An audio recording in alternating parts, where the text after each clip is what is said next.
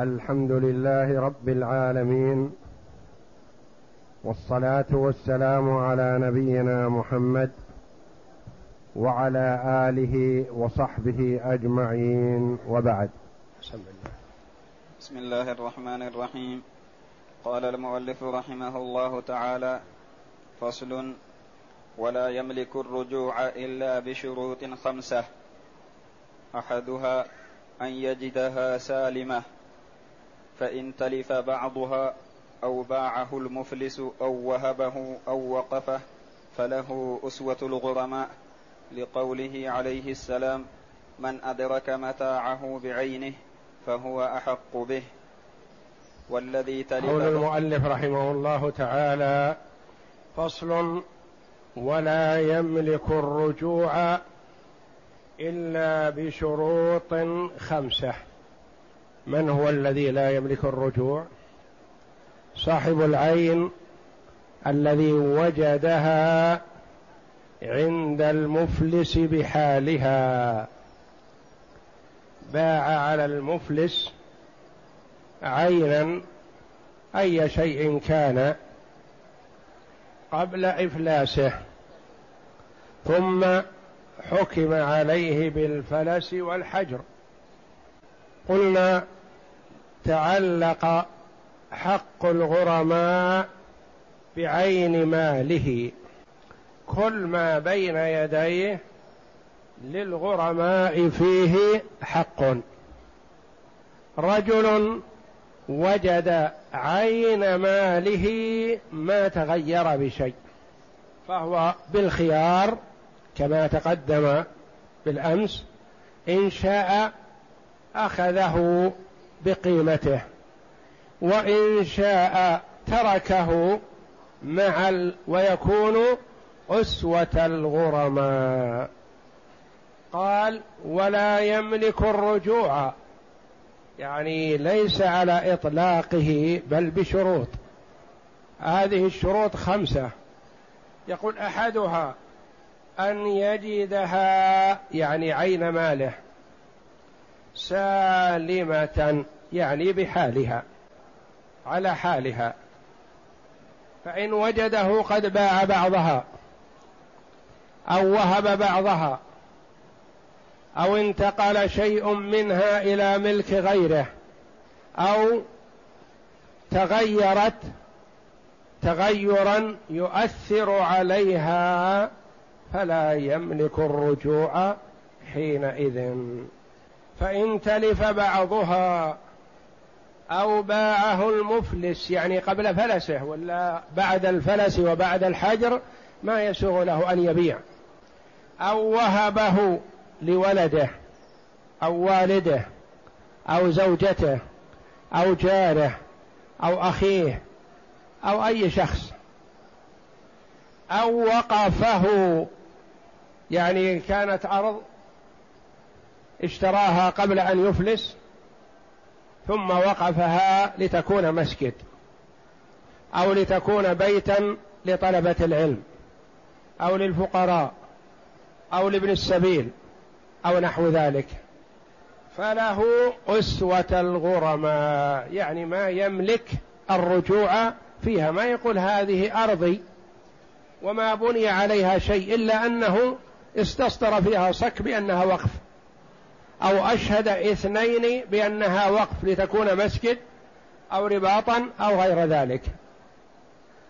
فهي ما تغيرت بحالها لكنها انتقلت من ملكيته إلى أن كانت وقفا لله تعالى. والوقف إذا أوقفه المرء ينتقل في الحال من مالكه إلى أن يكون لله تعالى ما يملك الرجوع في الوقف. مثل ما لو بنى مسجد هل يملك بعد بنائه وتهيئته مسجد أن يغلقه ويقول من يشتريه؟ لا لأنه انتقل من ملكيته. لقوله صلى الله عليه وسلم من أدرك متاعه بعينه. هذا أدرك متاعه لكن ليس بعينه. أو انتقل من مالكه. نعم. فهو أحق به. نعم. والذي؟ والذي تلف بعضه لم توجد عينه. يعني ما وجد بحاله تغير. وجد بعضه. نعم. فإن كان المبيع عبدين أو ثوبين فتلف أحدهما أو بعضه. ففي السالم منهما روايتان. إحداهما له الرجوع فيه بقسطه لأنه وجده بعينه والثانية لا يرجع لأنه لم يجد المبيع بعينه أشبه العين الواحدة. وإن كان المبيع عبدين أو أرضين أو دارين أو مزرعتين أو قطيفتين فتغير واحد أو بيع أو انتقل وبقي أحدهما الثاني. فهل يملك الرجوع أو لا يملك الرجوع؟ قال فيه روايتان عن الإمام أحمد. إحداهما يملك الرجوع لأنه يرجع إليه بقسطه. دارين تغيرت إحداهما أو أوقفها أو وهبها أو باعها وبقيت الدار الأخرى. الدار الأخرى بحالها قال يأخذها بقسطها فهو حق بها لأنه وجد متاعه بعينه هذا فهو بقسطه من الثمن. والثاني لا يرجع لا يملك الرجوع لأن الرجوع إلى كامل المبيع والمبيع الآن ما يملك الرجوع في كامله. بعضه تغير أو تلف أو وهب أو وقف فهو ما يملك الرجوع في بعضه دون بعض. نعم. وإن كان المبيع شجرة مثمرة فتلفت ثمرتها فله أسوة الغرماء لأنهما كالعين الواحدة إلا أن تكون الثمرة مؤبرة حين البيع فاشترطها المبتاع. فهما كالعينين لأن الثمرة لا, لا تتبع الأصل فهي كالولد المنفصل. وإن كان المبيع ثمرة شجرة مثمرة. بشيء مبيع شيء واحد ومبيع شيئان. فمثلا أرضين أرض في الشمال وأرض في الجنوب. هذا المبيع شيئين.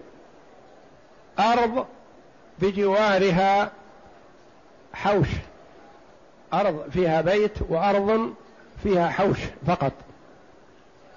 هذا كالشيء الواحد. ليس منفصل لأن البيت يكون في حاجة إلى الحوش. فهما مبيع واحد. فالمبيع الواحد إذا تغير بعضه ما يملك الرجوع في البعض الآخر. المبيع إذا كان نوعين إذا كان شيئين ملك الرجوع في أحدهما الباقي على الرواية الأولى. يقول إذا كان المبيع شجرة مثمرة فتلفت الثمرة. فله أسوة الغرماء. تلفت الثمرة فله أسوة الغرماء. لأن المبيع تلف بعضه. المبيع تلف بعضه وبقي بعضه فلا يملك الرجوع في الباقي لأن المبيع شيء واحد. قال إلا أن تكون الثمرة مؤبرة حين البيع. تقدم لنا في بيع الثمار والزروع والنخيل على أنه إذا بيعت الشجرة والثمر لم يبدو ثم بدا الثمر بعد هذا فإن الثمر تبع المبيع. وإذا كان المبيع عليه ثمرة والثمرة قد أبرت يعني لقحت فالثمرة للذي باعها مبقاة إلى الجذاذ أو الحصاد. يعني المبيع عبارة الآن أصبح شيئين. المبيع ثمرة مؤبرة لمن تكون؟ للبايع. اشترطها المبتاع المشتري. يعني كأنه اشترى شيئين. اشترى شيئين. فتلفت الثمرة بعد هذا. هل يملك الرجوع أو لا؟ قال يملك على الرواية الثانية. لأن المبيع شيئان تلف أحدهما وبقي الآخر. فهو يملك الرجوع في الباقي بقسطه من الثمن. بخلاف ما إذا كانت الثمرة لم تؤبر وقت البيع فهي تبع المشتري. فيكون المبيع عبارة عن شيء واحد تلف بعضه وبقي بعضه فلا يرجع فيه. إذا كانت مؤبرة واشترطها المبتاع فهي عبارة عن شيئين. تلف أحدهما وبقي الآخر فللصاحب العين الرجوع في العين الباقية بقسطها من الثمن. ولا يعتبر تلف بعض الثمرة أو تلف الثمرة مانعا من الرجوع لأن المبيع شيئان انتبه. وإن كان المبيع شجرة مثمرة فتلفت ثمرتها فهو أسوة الغرماء لأن المبيع شيء واحد. وتلف بعضه فلا يملك الرجوع فيكون البائع أسوة الغرماء. إلا في حال واحدة. إذا كان المبيع ثمرة مؤبرة واشترطها المبتاع المبتاع من هو؟ المشتري لأن الأصل أنها للبايع. فاشترطها المبتاع فكأن المبتاع اشترى شيئين. اشترى الشجر واشترى الثمر بالشرط. فيقول هما عبارة عن شيئين تلف أحدهما فله الرجوع فيما لم يتلف. نعم. وإن نقص المبيع صفة مثل أن هزل أو نسي صناعة أو كبر أو كان ثوبا فخلق لم يمنع الرجوع لأن فقد الصفة لا يخرجه عن كونه عين المال. وإن نقص المبيع صفة مثل أن هزل باع عليه رقيقا فهذا المفلس فقير الحاق فضعف هذا الرقيق وصار هزيل. أو باع عليه رقيقا يحسن صنعه. فهذا المفلس ما عنده صناعات فنسي الرقيق هذه الصنعة التي كان يعرفها من قبل. أو باع عليه الرقيق في وقت شبابه ونشاطه ولم يوفه القيمة حتى كبر الرقيق وشاب وتعب. أو ثوبا كان المبيع ثوب أو قطيفة أو نحو ذلك فخلق يعني استعمل لكنه لا يزال محتفظ بقيمته. في هذه الأحوال كلها من حق البائع أن يرجع في المبيع ما دام على حاله وإنما نقص صفة. وهو صاحب الحق وهو صاحب الخيار. إن رضي بثوبه أو برقيقه أو بدابته بهذا النقص فله ذلك. باع عليه فرسا مثلا.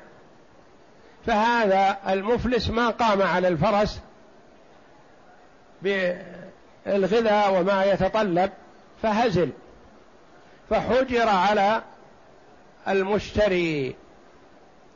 وجد البائع فرسه لكنه يوم يبيعه ذا قيمة وسمين وقوي ونشيط. وجده هزيل. هل يقال إنه تغير تغيرا يمنع الرجوع؟ لا. لا شك أن القيمة نقصت لكن ما دام الخيار له يقبله. يقول مثلا فرسي أنا بعته بخمسة آلاف. والآن قد لا يساوي إلا ثلاثة آلاف. ولو صبرت أكون مع الغرماء ما جاءني إلا ألفين. فأنا آخذ فرسي ولو أن قيمته ثلاثة خير لي. فهو صاحب الحق وله ذلك. وتغير شيء من صفاته ما يمنع من الرجوع لأنه ما ذهب شيء من عينه وإنما تغيرت صفته. لأن فقد الصفة لا يخرجه عن كونه عين المال فيتخير بين أخذه ناقصا أو يكون أسوة الغرماء بكل الثمن. نعم. وإن فقهت وإن فقئت عينه فهو كتلف بعضه. وإن فقئت عينه يعني رقيق فقئت عينه أو حيوان فقئت عينه فهو يكون أسوة الغرماء لأنه تلف بعضه. وإذا تلف بعضه فلا يرجع في باقيه. نعم. وإن شج أو جرح أو افتضت البكر فكذلك في قول أبي بكر لأنه نقص جزء ينقص قيمته فأشبه ما لو فقئت عينه. نعم وقال القاضي. وقال القاضي قياس المذهب أن له الرجوع لأنه فقد صفة فهو كالهزال. يقول إن شج الشجة تختلف عن فقع العين. فقئت العين ذهبت. الكلية الشجة هي الضربة في الوجه أو في الرأس مثلا. وممكن هذه الضربة في الوجه أو في الرأس ما تؤثر عليه. تؤثر عليه أسبوع أو شهر ثم تزول. ما يكون لها أثر. فهذه تختلف عن فقع العين لأن فقع العين ذهب جزء منه. وأما الشجة فهي ما أذهبت جزء وإنما أعابته مثل الهزال. ثم إن كان لا. انتظر, انتظر. فهو كتلف بعضه يقول مثل تلف البعض. يعني ليس له الرجوع. وإن شج أو جرح أو افتضت البكر باع جارية وهي بكر. ففض بكارتها. يعني اتخذها فراشا له فهي أمته. فنقصت قيمتها وتغيرت صفتها مثلا.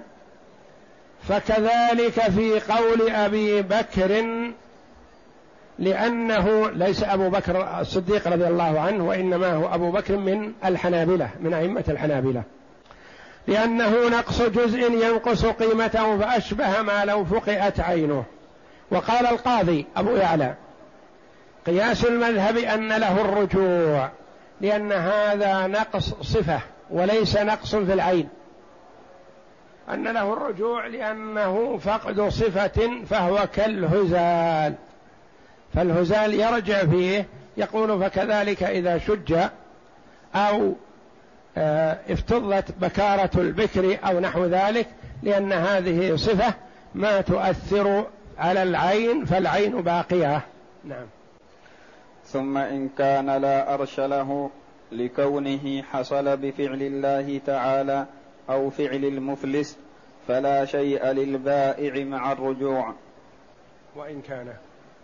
وإن كان له أرش فللبائع إذا رجع أن يضرب مع الغرماء بحصة ما نقص من ثمنه فينظر ما نقص من قيمته فيرجع بقسطه من الثمن لأنه مضمون على المشتري للبائع بالثمن والأرش للمفلس على الجاني يقول إذا كان هذا النقص الذي حصل شج أو افتضت بكارتها.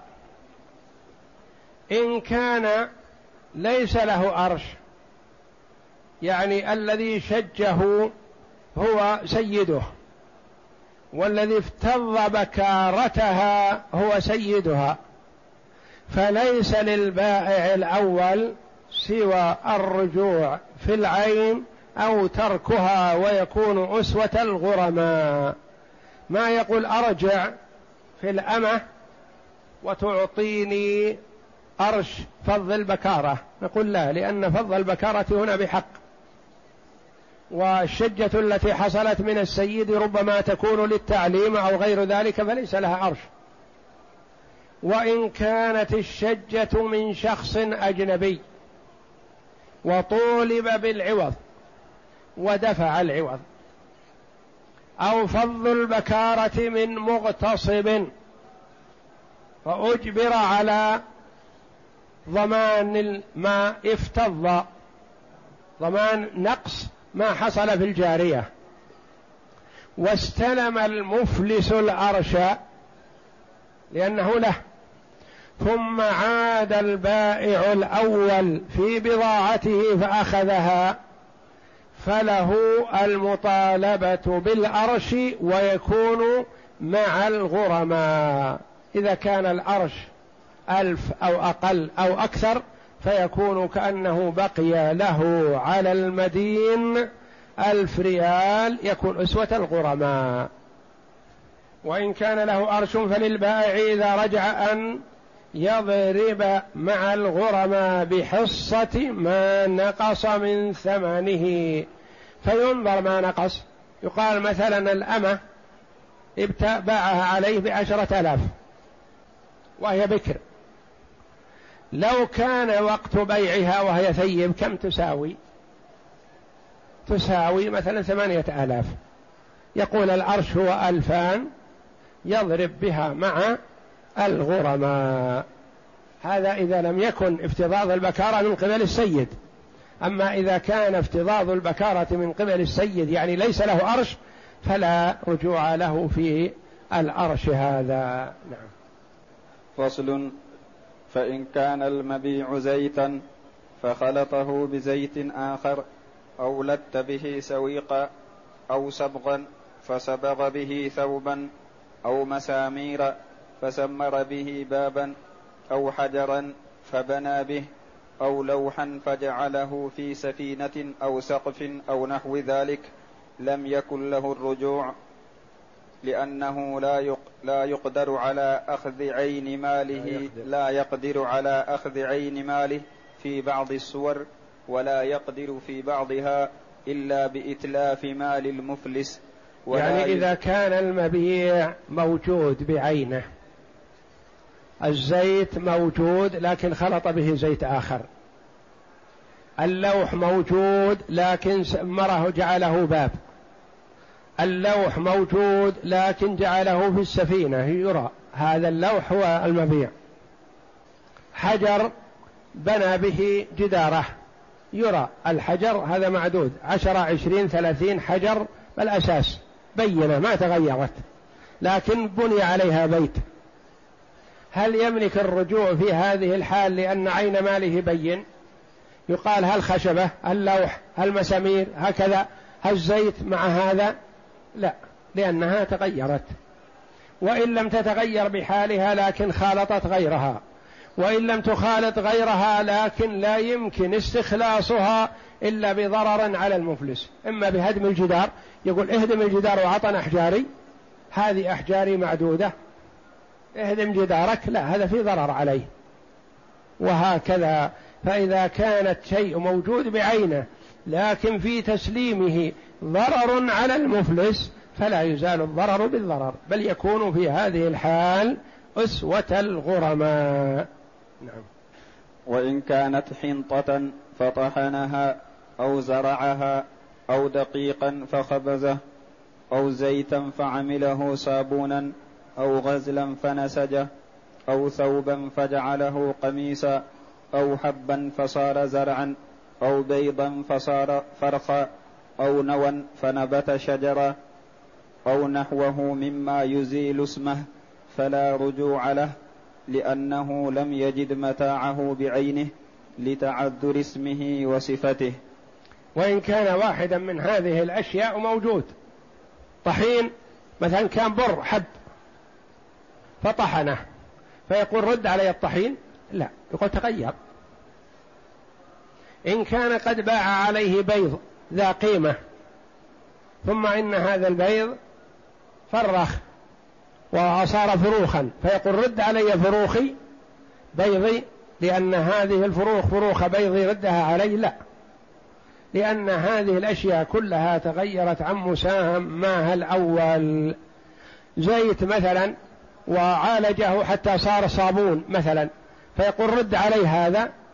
لا لأنه تغير في هذه الأحوال والنبي صلى الله عليه وسلم قال وجد متاعه بعينه. يعني ما تغير. نعم. فصل وإن اشترى ثوبا فسبغه أو قصره أو سويقا فلته بزيت فلصاحبهما الرجوع فيهما. لأن عين مالهما قائمة مشاهدة لم يتغير اسمها ولا صفتها. ويصير المفلس شريكهما بما زاد عن قيمتهما لأن ما حصل من زيادة القيمة بالسبغ وغيره فهي للمفلس لأنها حصلت بفعله في ملكه. وإن اشترى ثوبا فصبغه. اشترى ثوب مثلا أبيض فصبغه ثم أفلس. فهل لصاحب الثوب أن يقول أعطوني هذا ثوبي إلا أنه مصبوغ؟ نقول نعم نعطيه لأنه هو عين ماله وإنما تغير بالصبغ والصبغ ذا قيمة. يقول مثلا أنا اشتريت له صبغ الثوب بعشرة واشتريت صبغ بخمسة مثلا فصبغته. فتزيد القيمة بلا شك فيكون المفلس شريكا للبائع الأول في زيادة العين فيما زاد بسبب فعله لأن هذه الزيادة وجدت بفعله فيكون شريكا فيها. وإن نقص الثوب لم يمنع الرجوع لأنه نقص صفة. وإن نقص قبل أن يصبغ قيمة عشرة فلما صبغ قلت الرغبة فيه لأن الناس يريدون غير هذا الصبغ مثلا فصار لا يساوي إلا ثمانية. فنقول للبائع الأول إن شئت أن تأخذه بعينه ولا أرش لك فخذه وإن أردت أن تطالب بالأرش فلا فأنت أسوة الغرماء. نعم. وإن لم يزد بالقصارى سقط حكمها لعدم أثرها في الزيادة. وإن كان ما زاد ولا نقص فليس للمفلس فيه حق وإنما لذاك أن يأخذه بقيمته التي باعه بها. نعم. وإن اشترى أرضا فزرعها ثم أفلس فللبائع الرجوع فيها لما ذكرنا ويكون الزرع مبقا إلى الح... مبقا نعم. إلى الحصاد بغير أجرة لأن العوض في مقابلة الأرض لا في مقابلة المنفعة. فإذا وإن اشترى أرضا فزرعها ثم أفلس. زرعها زرع ثم أفلس. صاحب الأرض يقول أريد أرضي لا أريد أن أدخل مع الغرماء. يقول الأرض مزروعة الآن. يقول شنو الزرع؟ خذوه. نقول لا. هذا فيه إتلاف وضرر على المفلس. وإنما نعيد إليك الأرض بشرط أن يبقى هذا الزرع إلى الحصاد بدون أجرة. بدون أجرة. لما؟ تقدم لنا أمس قريبة منها في موضوع التأجير مبقا إلى الحصاد والجذاذ بأجرة مثله. هنا قال بدون استغلال المنفعة يتطلب أجرة. وهنا بيع والقيمة قيمة العين قيمة الأرض لا قيمة المنفعة. والمنفعة هذه مشروطة شرعا أن تبقى إلى الحصاد والجذاذ لئلا يتضرر المشتري الذي هو المفلس فيبقى الزرع إلى الحصاد والجذاذ بدون أجرة لأن الأجرة مقابل المنفعة والعين أصلا مبيعة قيمة عين لا منفعة نعم. فإذا, فسخ عادت إليه الرقبة دون المنفعة المستثناة لأن شرعا. المنفعة مستثناة شرعا لأنه من حقه أن يزرعها ما دام أنها في ملكه وزرعها زرعا يحق له فيه فيبقى إلى الحصاد والجذاذ نعم. كما لو باعه أمة فزوجها ثم رجع فيها دون منفعة بضعها. كما لو كانت أمة لو باعه أمة. المفلس المدين مثلا اشترى أمة بعشرة آلاف. هو لا نظر له فيها بالاستمتاع بها. وما أحب أن تبقى بدون زوج فزوجها. ثم إن المفلس المدين هذا فلس فأراد صاحب الأمة العودة إليها يريدها فطلبها وعادت إليه. تعود إليها إليه ملكية عينها دون منفعة بضعها لأن ذاك زوجها بحق. فلا يملك الرجوع في المنفعة ما دامت في عصمة زوج فلا يملك إجباره على الطلاق. لأن بائع الأمة له العين والمنفعة وقع عليها عقد شرعي صحيح. فلا يملك الرجوع فيه وإنما يملك الرجوع في العين فقط. هذا مثل الأرض إذا زرعها. أرض اشتراها المفلس وزرعها ثم أراد المالك أن يرجع فيها. نقول ترجعي فيها لكن منفعة الأرض هذه ببقاء الزرع إلى الحصاد. باع أمة فزوجها المفلس قبل فلسه ثم عاد عليها صاحبها مالكها بعد الفلس فيعود إليها بملك عينها دون المنفعة فإنها تبقى لزوجها الذي عقد عليها شرعا. والله أعلم وصلى الله وسلم وبارك على عبده ورسول نبينا محمد وعلى آله وصحبه أجمعين.